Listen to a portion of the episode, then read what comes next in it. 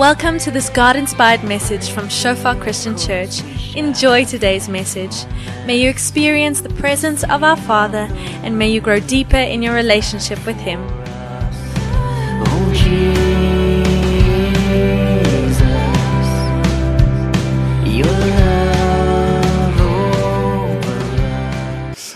Welcome, everyone. We are finishing off with our sermon series this morning on Colossians. It's been an exciting three months, and I think for, for most of us, you know, you can kind of acknowledge that this book was confrontational. Some hard things that you need to face, and work through realities that need to be seen, but at the same time, it also gives grace, it gives great hope, and great confidence to see actually who God is and how He relates to us. And to today we're going to finish off with that. And just a quick recap: in the first two chapters, we looked at what the gospel produces in us and how the gospel produces that in us. We looked at maturity. We looked at the fact that when we truly believe the true gospel, it should immediately produce faith, hope, and love, and it should continue to do so in our lives. And remember asking the question that are we people known for faith, hope, and love? And also joy.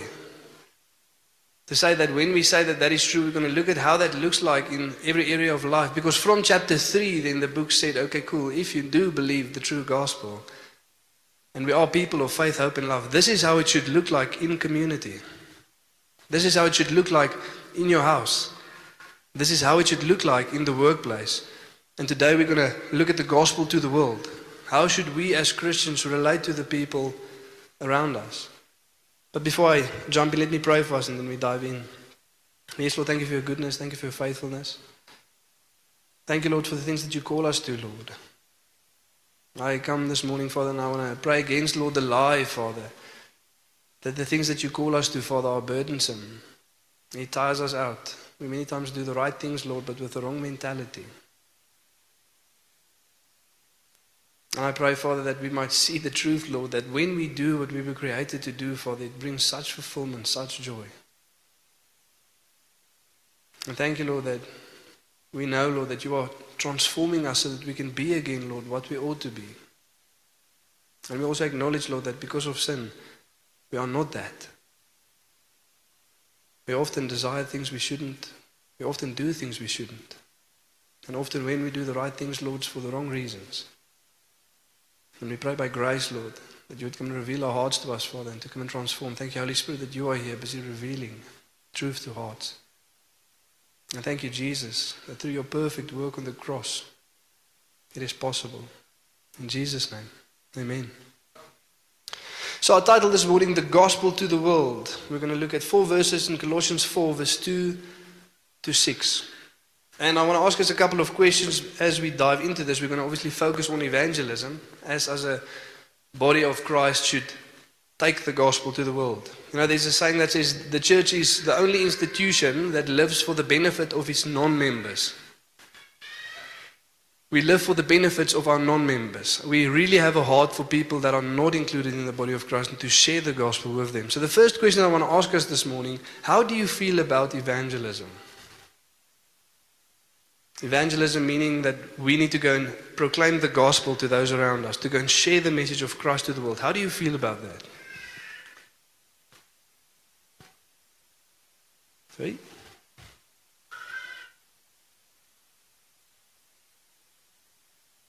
Second question. As you see, I'm pausing. I really want you to answer the question.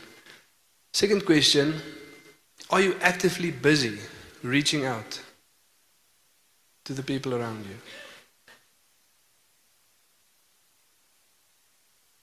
And there's some words that need to be defined. What does actively mean?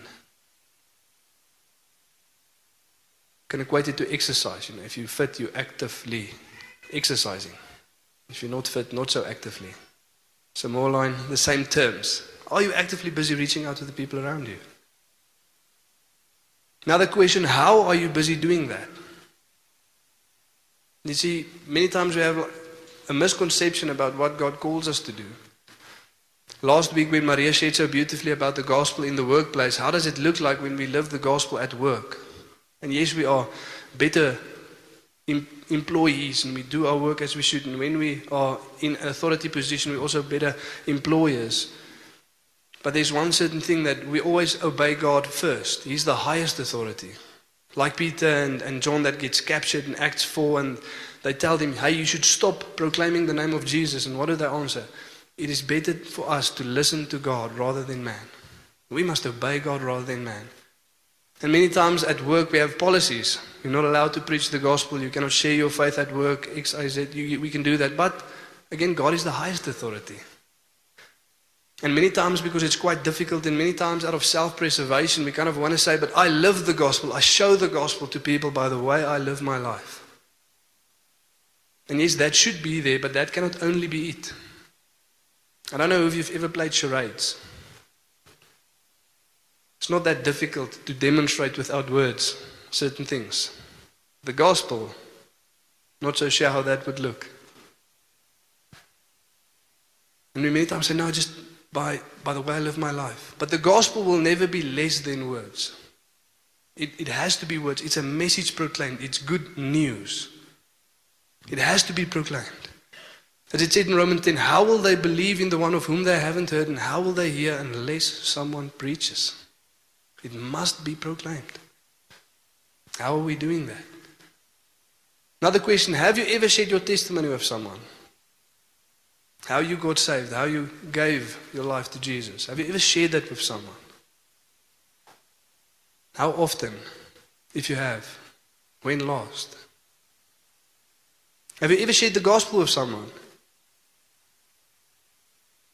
Have you ever shared the gospel with someone? You know, I always laugh at the disciples' kind of first mission when Jesus sends them out. Many times, you know, we kind of want to grow into a thing, so we say, okay, before we go too hectic, you know, let's just first invite someone maybe to church and invite them to small group, which is a good thing. We do invite people. But they didn't have that assignment. Jesus says, okay, go, proclaim the good news of the kingdom, heal the sick, and cast out demons and raise the dead. How's that for a first assignment? I would have been like, Lord, can't we just invite them to come and see you do it first? Might be a little bit easier. But no, there they go. That's the first commandment to go out with that boldness and to go and do what Jesus calls us to do. Have you ever shared the gospel with someone? Can you share the gospel? Do you know why you are saved? Sitting here this morning. Do you know how that works? Can we do that? Important questions for us to ask. So while we have that questions in our mind, let's read through these four verses and see what we can learn from them. Colossians 4, from verse 2 to 6. Continue steadfastly in prayer, being watchful in it with thanksgiving. At the same time, pray also for us, that God may open to us a door for the word, to declare the mystery of Christ, on account of which I am in prison, that I might make it clear which is how I ought to speak. Walk in wisdom towards outsiders, making the best use of the time. Let your speech always be gracious, seasoned of salt, so that you may know how you ought to answer each person. Powerful four verses. And today we're going to do it the other way around again. We're not going to work from verse 2 to 6. We're going to work from verse 6 up again towards verse 2. And the one question that I want to ask us is who's ever heard this phrase in verse 5? Make, making the best use of the time. How did you interpret that? How do you apply that? Make the best use of the time. We also see it in Ephesians 5, verse 16. Make the best use of the time, for the days are evil. How do we apply that? How do we define that in our own lives? And one way how we can make sure that we actually understand something right when we interpret the scripture as we should is to take our interpretation of the scripture, paraphrase it, you know, kind of say it in our own practical words, and then read that with the verses around it to see if that makes sense. You see, because many times we think what it, what it means to make the best use of the time is to be very good with our planning so that we can do everything that we need to do because we only live once. There's a statement like that YOLO. Ever heard that? You only live once. But the Christian version of that is YOLF. You only live forever. Just depends where you live. It's not YOLO, it's YOLF, guys. You only live forever, but where are you going to live and how are you going to live there? because what we do now impacts that forever. I don't think we always understand that. It just feels so long, this life on earth, because it's the only thing we know. But there's a better place coming, and we're going to be there for a lot, lot longer. We're going to be there for eternity. So that, that cannot be what it says. Now, if, if I read the other two verses with that interpretation, it sounds like walk in wisdom towards outsiders and have good planning so that you can do all the things that you want to do. Let your speech always be gracious, seasoned of salt, so that you might know how to answer each person. It Doesn't make sense, it doesn't fit. The verse before that and the verse after that is focusing on those around us.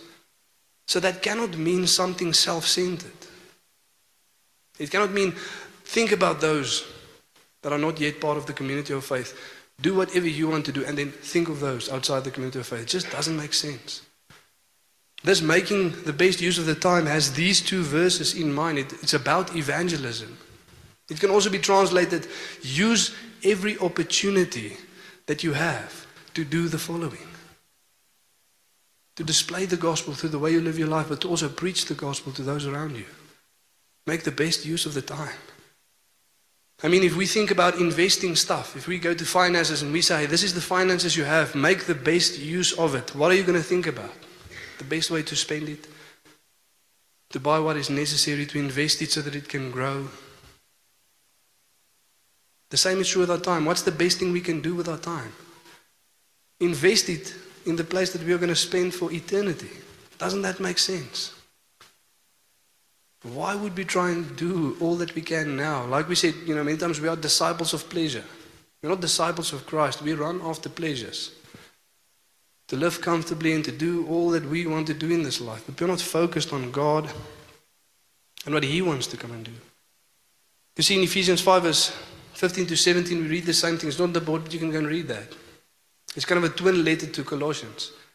It says there, be careful how you walk, not as unwise but as wise, making the best use of the time, for the days are evil. And then verse 17 says, because, or therefore, do not be foolish, but know what the will of the Lord is. Make the best use of the time, know what the will of the Lord is. Live in the will of God as much as you can. We just sang that. Lord, we want to be ready, set apart for you, our Master, ready to do your will. Is that truly what we want to do? Is that really the desires of our heart? To do what God wants us to do. Because this has to do, making the best use of our time has to do with reaching the lost and making disciples. And we do that in two ways. You see, there's that word walk in verse 5 and that word speech in verse 6. Walk in wisdom towards outsiders, making the best use of the time. Let your speech always be gracious, seasoned with salt, so that you might know how you ought to answer each person. So basically, what it is saying is that we should live and preach the gospel. Live and preach the gospel. And like we saw in every area of life, live the gospel in community, preach the gospel in community, live the gospel in your house, preach the gospel in your house, live the gospel at work, preach the gospel at work. Live the gospel in the world around you, preach the gospel to the world around you. Amen. That is how we do that. That is how we make the best use of the time. You see, a definition of what a disciple is is a disciple is someone who, like Jesus, lives and preaches the gospel while teaching others to do the same. All of those three aspects need to be there. And if it's not there, then we should contemplate but are we truly disciples? Are we truly disciples? Someone who, like Jesus, lives and preaches the gospel and teaches others to do the same. We should be involved in all of that, making the best use of the time. And if you don't have time to do that, then you're not making the best use of your time.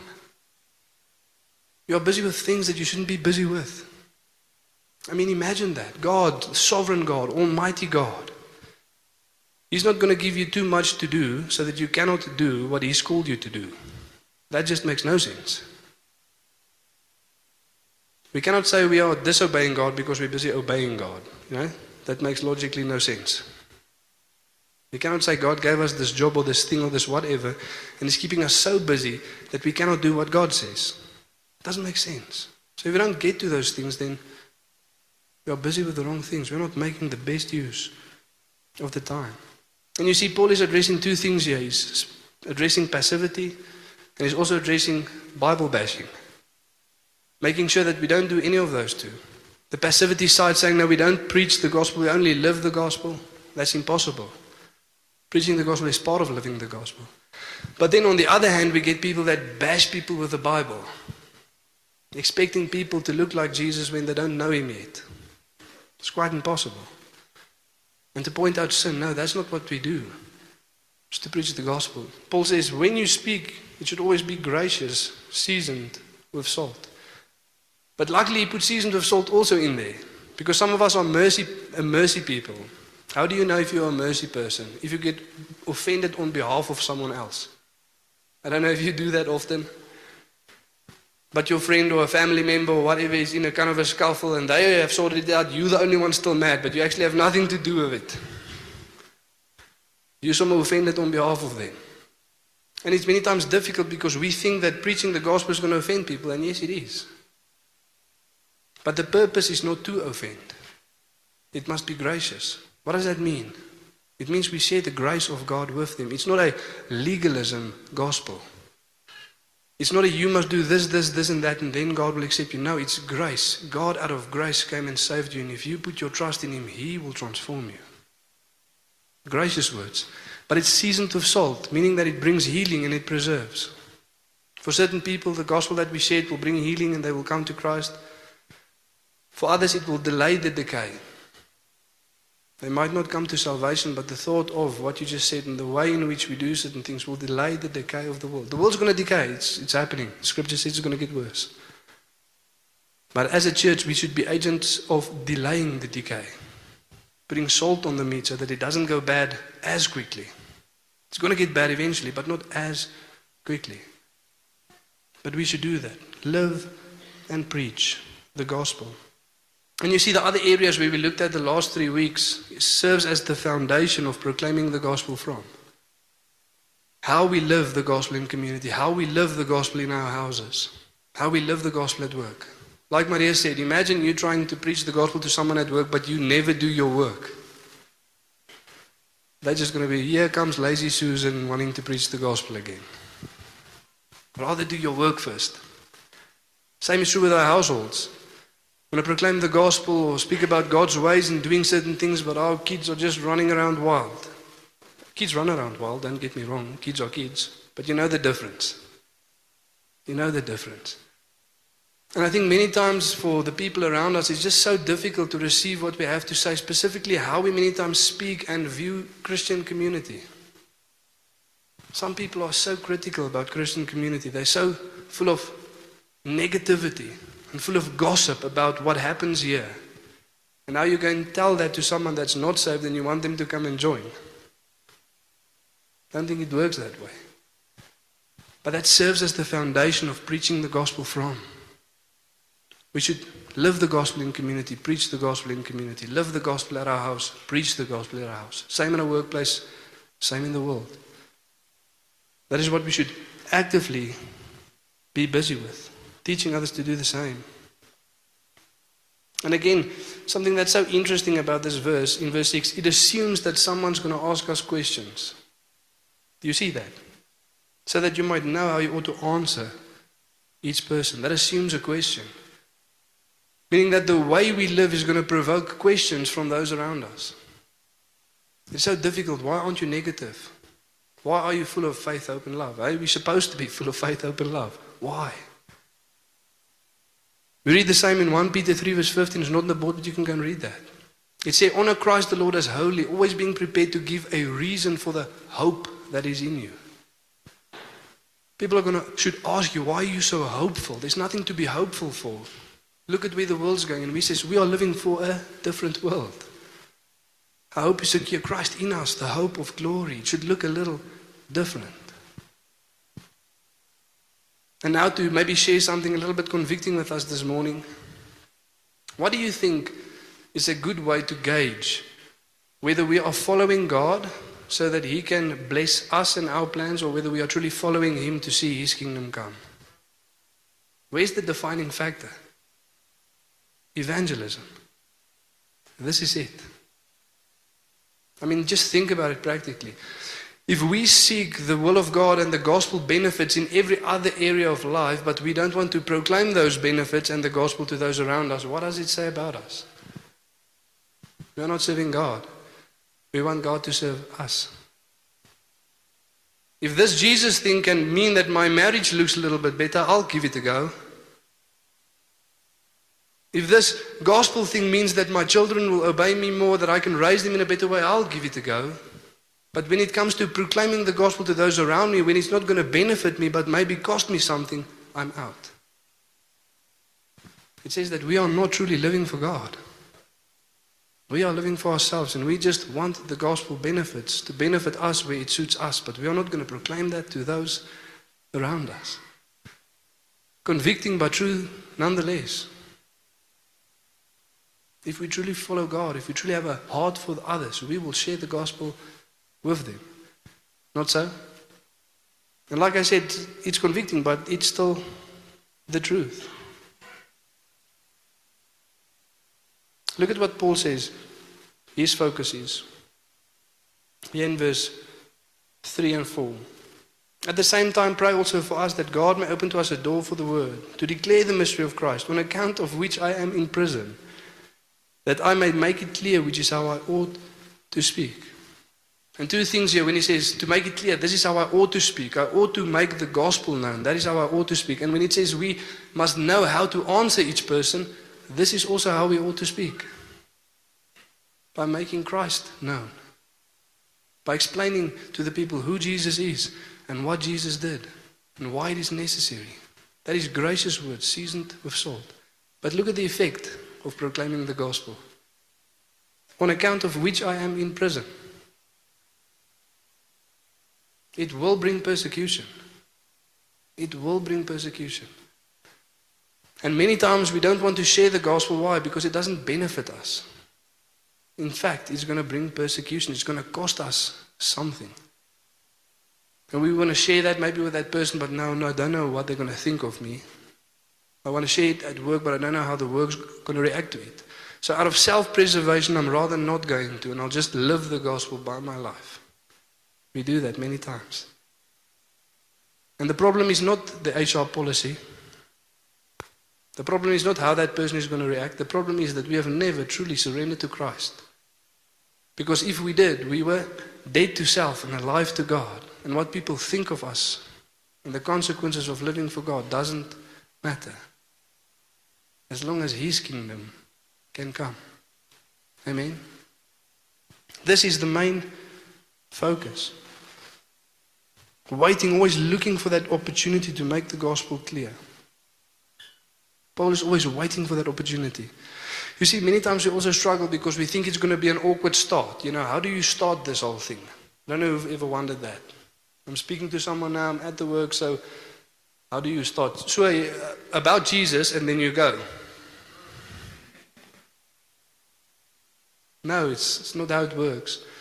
I don't know if you've ever been in a conversation where someone is saying something, but you know what they are saying is wrong. It's, it's not how we should live. It's not what the gospel says, specifically in our traditional Christian culture. You know, we all grew up as Christians while we weren't saved. And like me, there's a lot of people that thought they were Christians when they're not. And somewhere God needs to come and save us.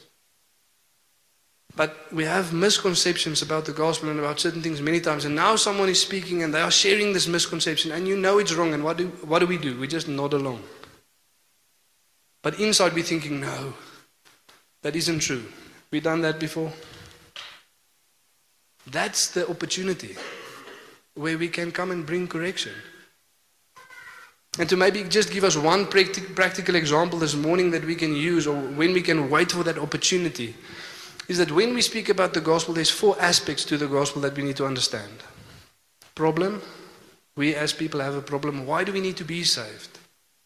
There's the solution, the gospel solution found in Jesus, who Jesus is, what Jesus did. Then there's a response. We need to respond to the gospel. Deny yourself, take up your cross, follow me. And then there's an effect, good fruits starting to flow from our lives. And we start to look again as we ought. But one of the things that we will see many times, specifically in South Africa is people problem. People have a misconception about the problem. Why? Because a lot of people think that they are saved when they are not. And listen here, guys, just to make this clear, we really need to do introspection here. Jesus says in Matthew 7 Small is the gate, narrow the road that leads to life, and those who find it are few. Those who find it are few. Think about five people that you know that say they are not Christians. Who do you know that doesn't identify as being Christian? See, this is the problem. Everybody's Christian, but only few will be saved. How does that work? Jesus says many people are going to rock up one day and say, Lord, Lord, and he's going to say, Go away, I never knew you. You workers of lawlessness, you didn't do the will of the Father. So it cannot be that everybody is just saved. And many times in our traditional Christian culture, when people speak about the problem, remember we said when we truly believe the true gospel, it immediately produces faith, hope, and love. And as we grow in it, joy comes along as well. So if we don't have faith, hope, and love, if we're not growing in that, then there's a good chance that we are not saved. We don't understand the gospel. We don't truly believe it. And many times, as we speak to people, they will have a misconception about the problem. And they're going to start to complain about the government, about Eskom, about South Africa. And they're going to tell you, well, they wish they were there, they wish they were here, they wish they were there. And at that moment, that's the opportunity where we come in and say, hey, out of love, I, I have to come and tell you that that's not the problem. The problem is not the government primarily. The problem is not where South Africa is headed primarily. The problem is sin, and sin is everywhere. And the bad news is, my friend, that it's in you too, and also in me. But here's the good news you do not have to wait for the external circumstances to change. You can simply surrender to Christ, and that will produce faith, hope, and love because our circumstances do not determine that. Jesus does. And He's the same yesterday, today, tomorrow. And that hope will be fixed. So, as we are in those conversations, as we are listening to what they are saying, wait for that cue where the misconception of the problem comes in. Have the boldness to address it then. Sin, sin is everywhere. It manifests in a certain way, it manifests in a different way, but you will still be discontent. One of the greatest lies, maybe in the West, that of retirement. How many times you've met and spoken with people and they're not content? They don't love what they do, they have no joy and passion in life, but hey, they'll push through because one day, when they finally have enough money and they're not going to work anymore, they can live where they want to live and do what they want to do, just to get there and surprise, surprise. You are still not content. Why? Because that is not the problem. The problem is that we have been disconnected from God. We need to be connected to Him again. I don't know who you've seen, but old people tend to get critical if they're not saved. Why? Because their plan and their idea of what's going to bring fulfillment didn't do that. They just want to tell you that it doesn't matter if you try, it's not going to work anyway. Misconception of the problem. We need to follow God. That's what we need to do. And look at where it all starts. Verse 2 and 3. It says, Continue steadfastly in prayer, being watchful in it with thanksgiving. At the same time, pray also for us that God may open to us a door for the word. This is how evangelism happens. This is where it all comes from devotion to God in prayer. And as we pray, we pray for two things Lord, do a work in us and give us an opportunity around us so that we can preach the gospel. Continue steadfastly. It can also be translated be devoted to. Be devoted to prayer. And some of us struggle with evangelism because we don't pray. We don't experience the leading of God. Yes, now and again for our own things, but never for the gospel to advance in the world. Never for those who are not saved. That is where it starts, with that devotion to God in prayer. That is what fuels evangelism. Every single revival in history started with prayer. The first one in Acts 2, where were the disciples? They were all gathered together in one room, in one accord, and they devoted themselves to prayer. And the Holy Spirit came upon them, and 3,000 people were saved that day. But it starts with prayer. Every revival in history starts with prayer. People devoted to God. People who truly surrender to God. And you know what's so interesting? In the persecuted countries, evangelism always spreads the fastest. Why? Because they're not living for themselves. They, being a Christian actually costs you something. You know the call, you know the cost. There's no such thing as self perseverance. And in the West, what do we think? What's the problem? Why don't we evangelize? No, we need a course. We need a four step plan to come and teach us something. You know, I read in the month an article about China becoming the biggest Christian country. Evangelism just spreading amazingly, people getting saved. And they say that they are going to overtake America as the biggest Christian country. And what do you think the people in America's response is? They are the country that's busy declining the fastest when it comes to Christianity. So they say, hey, those people are increasing greatly. They are just multiplying, people are getting saved. We think they need a course. We are going to go give them a course. We have the Alpha course, we got it there, and there's Chinese translators and there's Chinese testimonies. And then I was like, I think they, they, they're good. I don't think they need help. They're the fastest growing Christian country in the world. I don't think they need a course or a four step plan because they know that Jesus is sufficient.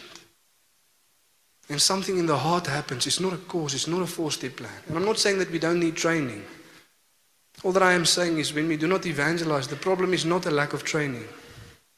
It's not that we don't have the right information. It's not that we don't have the right plan. It's that we have the wrong heart that hasn't submitted to God and that doesn't truly love people. We care about ourselves. Self preservation.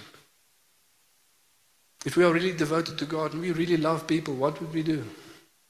Man, we would preach the gospel. It's the best thing that we can do for those around us. And it's the ultimate point to really show where our hearts are really at. And the question we need to ask this morning is Do I really live for God? And do I really love the people around me?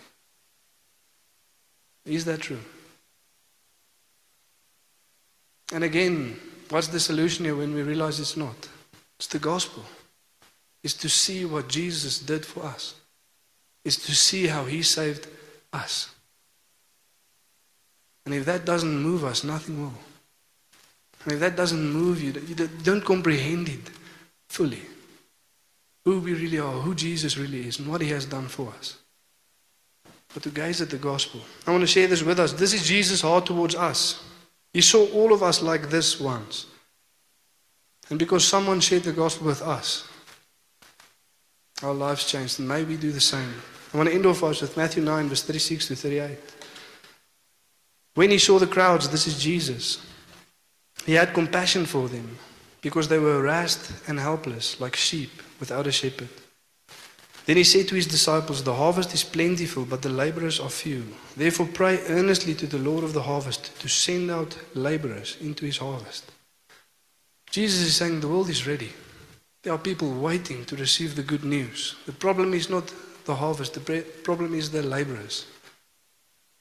That we are sitting with the message that can bring change. We are sitting with that which can heal, but we are unwilling to share it with those around us. And it all starts here in prayer. And because Jesus saw us helpless, like sheep without a shepherd, he sent someone to preach the gospel to us. And now we know what it feels like to have a good shepherd. But there are people that don't. And maybe we respond and say, Lord, here we are. Send us into the harvest field. Do a work in us and provide for us opportunity around us. And may we be attentive to what God is busy doing. Be devoted to prayer. As you go drop the kids off at school, pray. As you drive to work, pray. As you go to the meeting, pray. As you go pick up the kids, pray. As you go visit family, pray.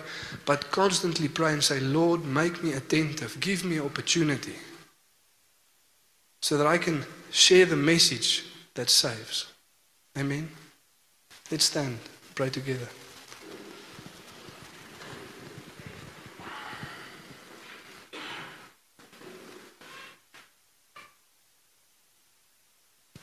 Yes, Father Lord, thank you that we can come before you this morning and proclaim, Father, that confess, Lord, that many times We want the benefits of the gospel, Lord, but we don't want the cost of it.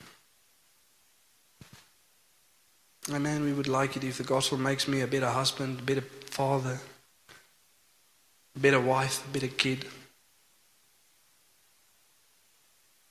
Makes me better at work. I, I, I want that. But when it comes to laying down my life for the sake of the gospel, to share it with those around me, it's difficult. And it's not because we don't have the right words. It's not because we don't have the right training, it's because we have an unwilling heart. And this morning we say, Lord, come and have grace on us. And come and do a mighty work. And as Christians, Lord, we many times look at the devastation of sin around us and we look at the corruption and everything that's going on and it makes us angry. They must be better. As if we made ourselves better. And we want to repent of that this morning, Lord. Because when you looked at the world around you, Lord, you didn't become furious. You had compassion. Because they were harassed and helpless like sheep without a shepherd. And when we see, Lord, people doing certain things, living in a certain way, may we have compassion. And may we realize, Lord, that we have the message that saves. And may we share it, Lord, boldly in that moment. But come and deliver us, Lord, from self righteousness. Come and deliver us from self preservation. That we might lay down our lives, Lord, to follow you. We repent, Father, of viewing you as this utilitarian God, a useful God. One that comes and blesses us where we need a blessing and helps us where we need help. But when it comes to your kingdom purposes, we are passive. We repent of that this morning.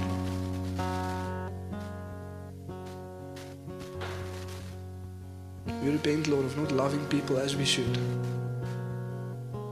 Because love always proclaims the truth.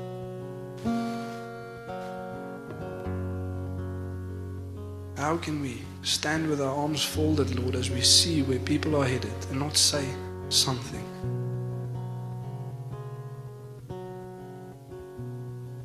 And thank you, Lord, that we can proclaim that we cannot do it in our own strength. And as we see in Scripture, we say, Holy Spirit, help. Holy Spirit, come and fill and lead us anew. And as a church, Lord, we will devote ourselves to prayer. And not prayer where we complain, Lord. No, but prayer where we are watchful with thanksgiving. Where what flows out of our mouths, Lord, is thanksgiving because we know who you are and what you've done and what you will do for us, Lord. But a thankfulness, Lord. And as that increases our hope, maybe we and share that with the world around us. Just to be you stand, if, if you've never shared the gospel with anybody, if you've never reached out, and you feel convicted by that, just be you stand, won't you lift up your voice to God and say, Lord, help. Holy Spirit, come and lead. Or come and give me the boldness. If you have once been active this morning and you've been passive the last while, and even maybe now you're standing there and justifying yourself, you're coming up with a lot of reasons why you haven't been doing it lately and why it's difficult. Don't do that. Don't justify yourself. Bring that to God, repent before Him, and allow Him to come and fill you anew and send you out once more. Because the harvest is ready.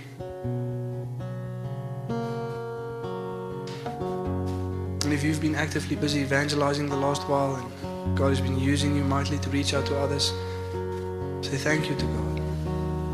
And continue devoting yourself steadfast to prayer. Yes, Lord, thank you that as a church, Lord. We want to come and open up our hands, Lord. Open up our arms to reach out again, Father, to the world around us. And may you lead us, Lord, as we devote ourselves to prayer to make the best use of the time so that we can live and preach the gospel wherever we go. And Thank you, Holy Spirit, that you're the one that empowers us to do that.